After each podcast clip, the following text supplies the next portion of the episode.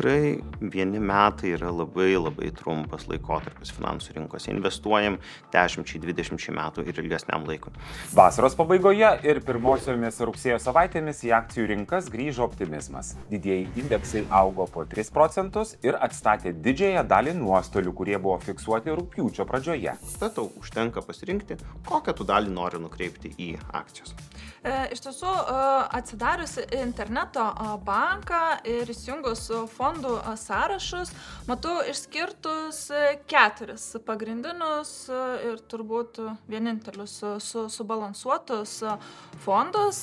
Ir investavimas į subalansuotus fondus tikrai padeda išskaidyti riziką ir paskirstyti investicijas tarp skirtingų turto klasių. Labas, aš esu Justina, Svetbank finansų instituto ekspertė. Turbūt nesuklysiu sakydama, jog žodį fondai šioje laidoje girdime ne pirmą kartą ir labai dažnai. Jau esame susipažinę su fondais, kurie investuoja į akcijas, obligacijas ar nekilnojamą turtą. Nuo šį kartą daugiau dėmesio skirsime subalansuotiems fondams. Pas pavadinimas jau sufleruoja, kad tai yra fondai, kurie vienu metu investuoja į skirtingas turto klases. Kokiems investuotojams jie yra tinkamiausia, atsakys laidos ekspertai. Na, o laidos pabaigoje vienas iš tokių fondų atsidurs ir mano investicinėme krepšelėje. Bet prieš tai skirkime keletą minučių svarbiausių ekonominių ir finansinių naujienų apžvalgai, kurias pristatys Ignas Krupavičius, o suruošė finansų ekspertas Tautvidas Maršalaitis. Sveiki, aš Ignas Krupavičius ir pažiūrėkime, kokiu naujienų finansų pasaulį atnešė šilta rudens pradžia. Vasaros pabaigoje ir pirmosiomis rugsėjo savaitėmis į akcijų rinkas grįžo optimizmas. Didieji indeksai augo po 3 procentus ir atstatė didžiąją dalį nuostolių, kurie buvo fiksuoti rūpiučio pradžioje. Pasaulinėse rinkose daug neapibrieštumo ateina iš Kinijos.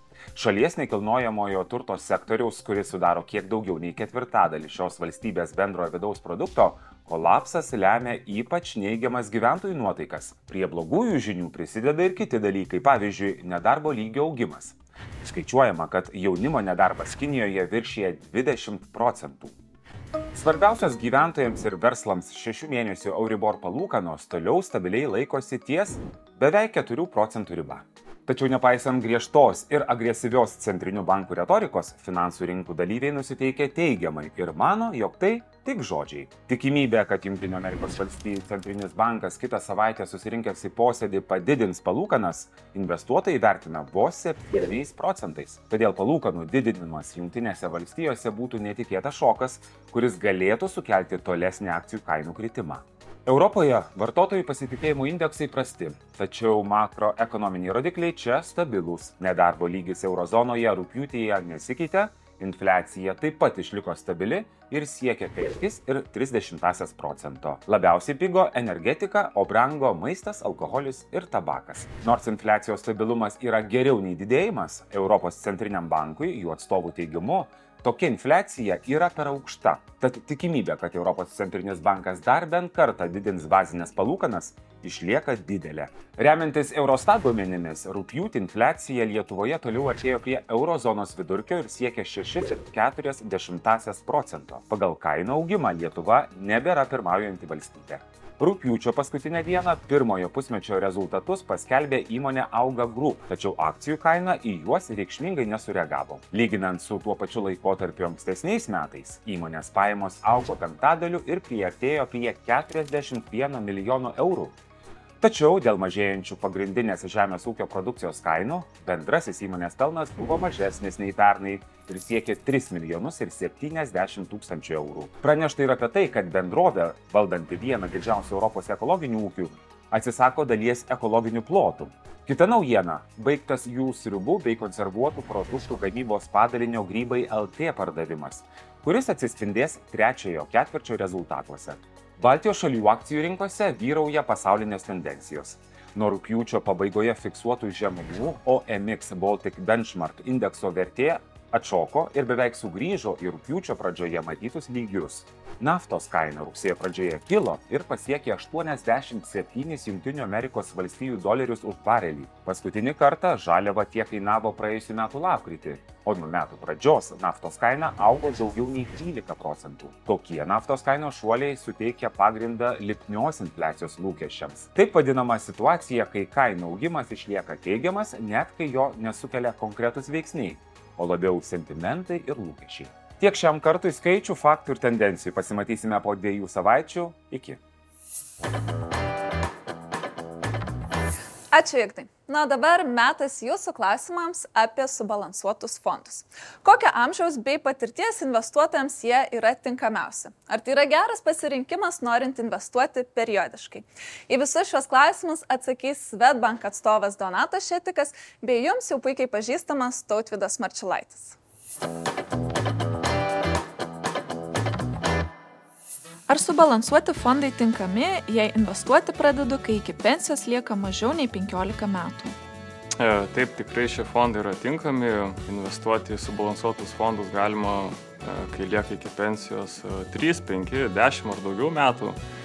Reikėtų tiesiog konkrečiai pasižiūrėti į fondo dokumentus, kur būna nurodoma, kokiam terminui yra rekomenduojama investuoti konkretų fondą ir investavimas į subalansuotus fondus tikrai padeda išskaidyti riziką ir paskirstyti investicijas tarp skirtingų turto klasių.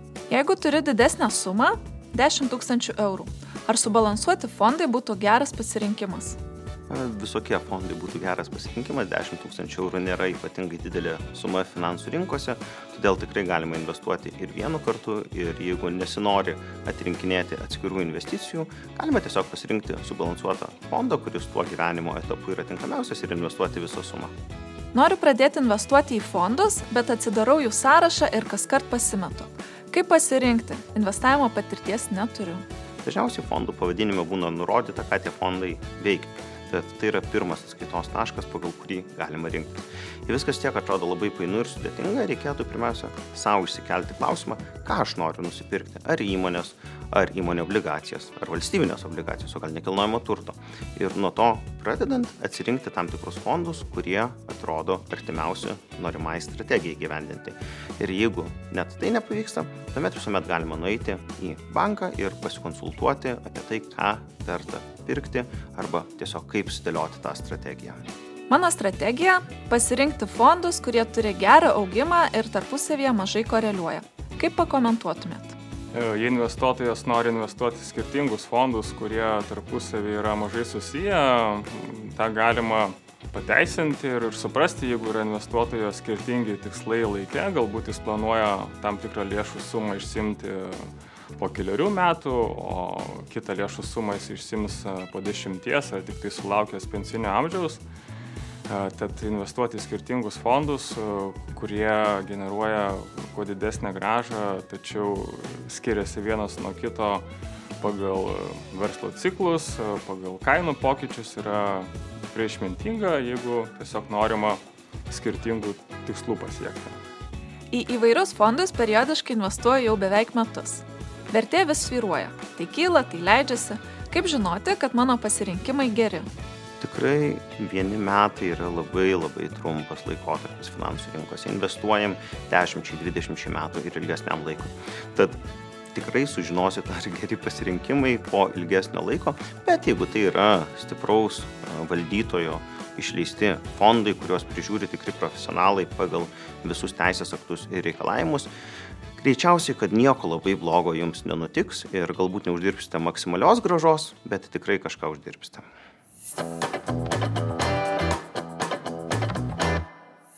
Ačiū tautvedai ir Donatui. Praėjusią laidoje peržvelgėme mano investicinio krepšelio pokyčius bei padidiname investicijas į įmonių akcijas. Jeigu praleidite šią laidą, jos nuorodą rasite šio video aprašymę. Taip pat, kas kart detaliau investavimo eksperimentą aprašau ir Svetbank tinklaraštį. Na, o šiandien kartu su Tautvidu peržvelgsime, kokie subalansuoti fondai yra prieinami Lietuvos investuotojams. Na ir vienas iš jų papildys mano investicinį portfelį. Kviečiu šį procesą stebėti drauge.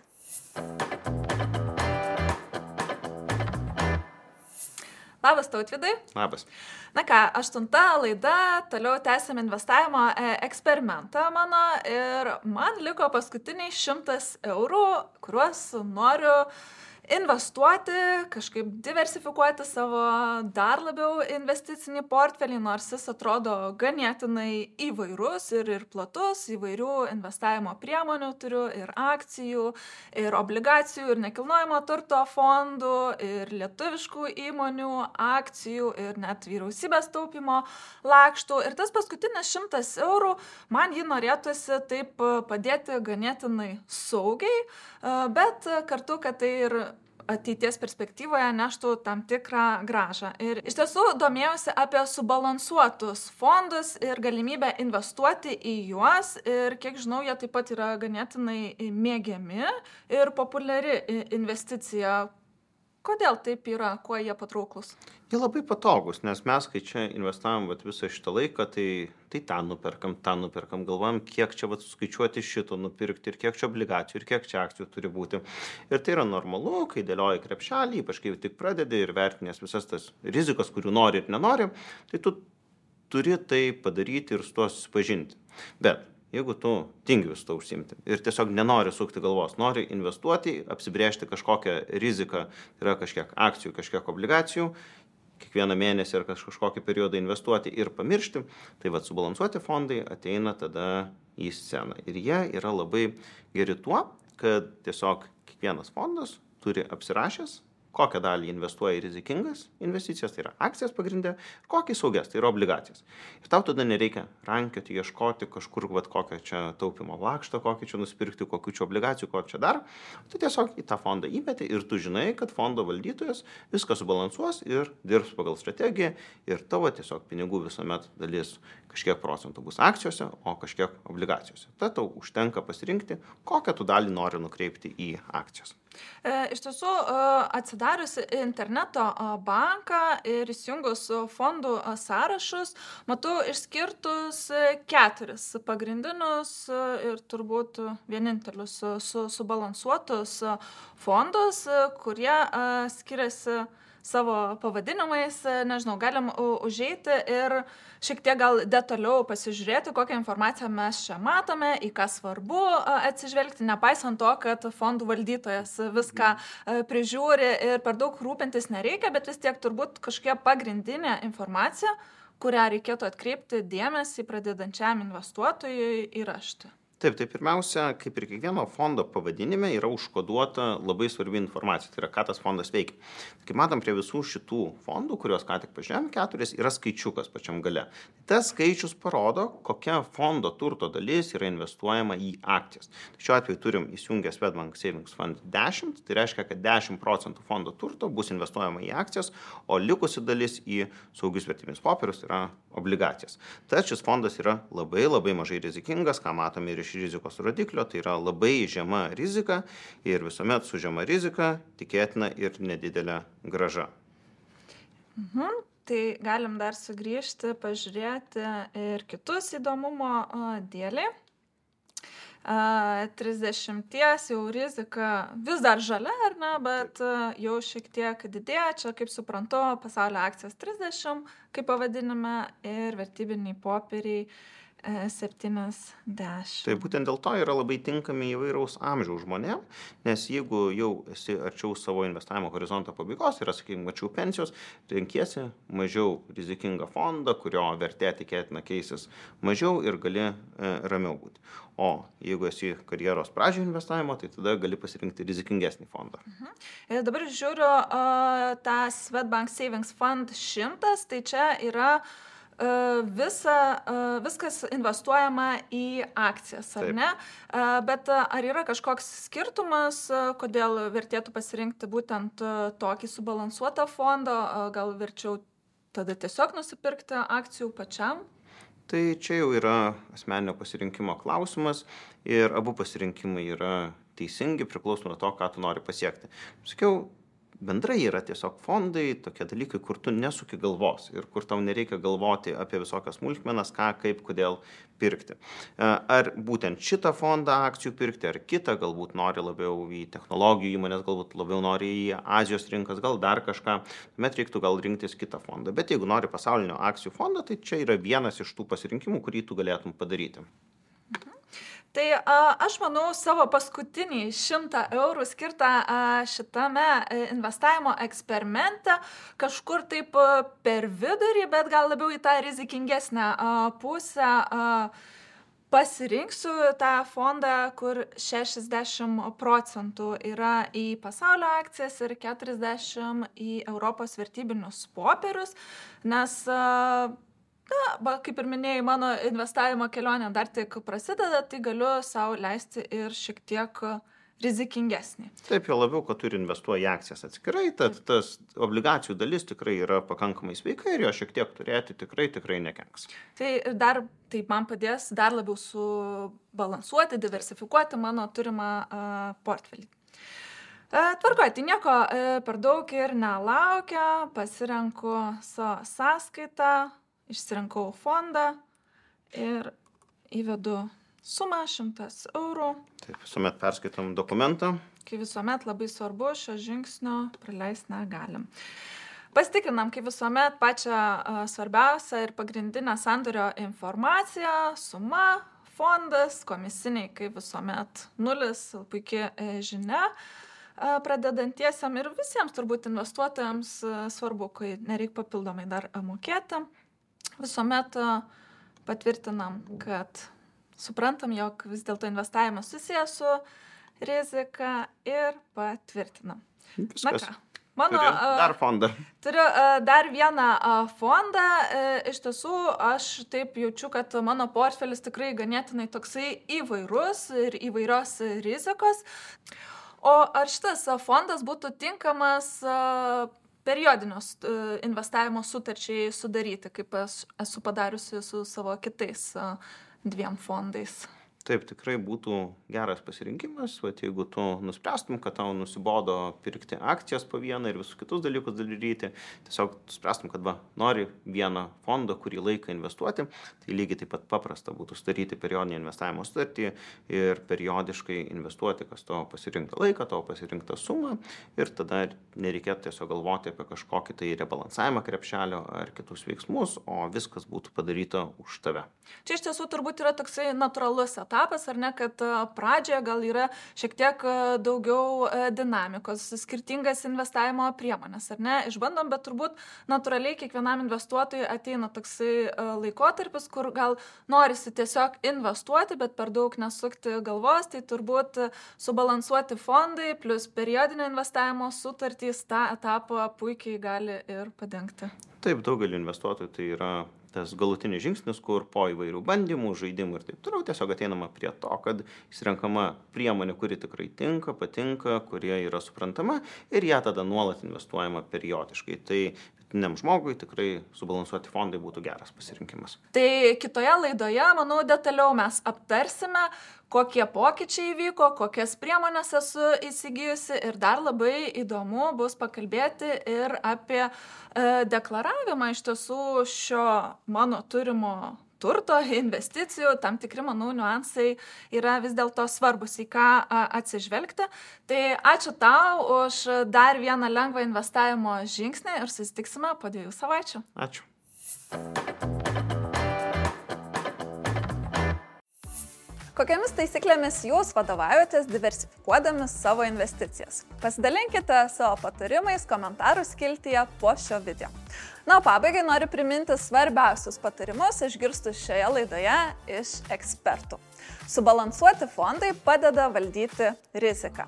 Jie yra gana universalūs ir tinka įvairiaus amžiaus investuotojams. Vertinant fondų gražą, tikslinga tą daryti atsižvelgiant į ilgalaikius jų rezultatus. Idealiu atveju fondus reikėtų parduoti įgyvendinus savo investavimo strategiją. Šį kartą tiek, ačiū uždėmesį, susitiksime po dviejų savaičių, o kol kas, kaip visuomet, palaikykime ryšį socialiniuose tinkluose. Iki.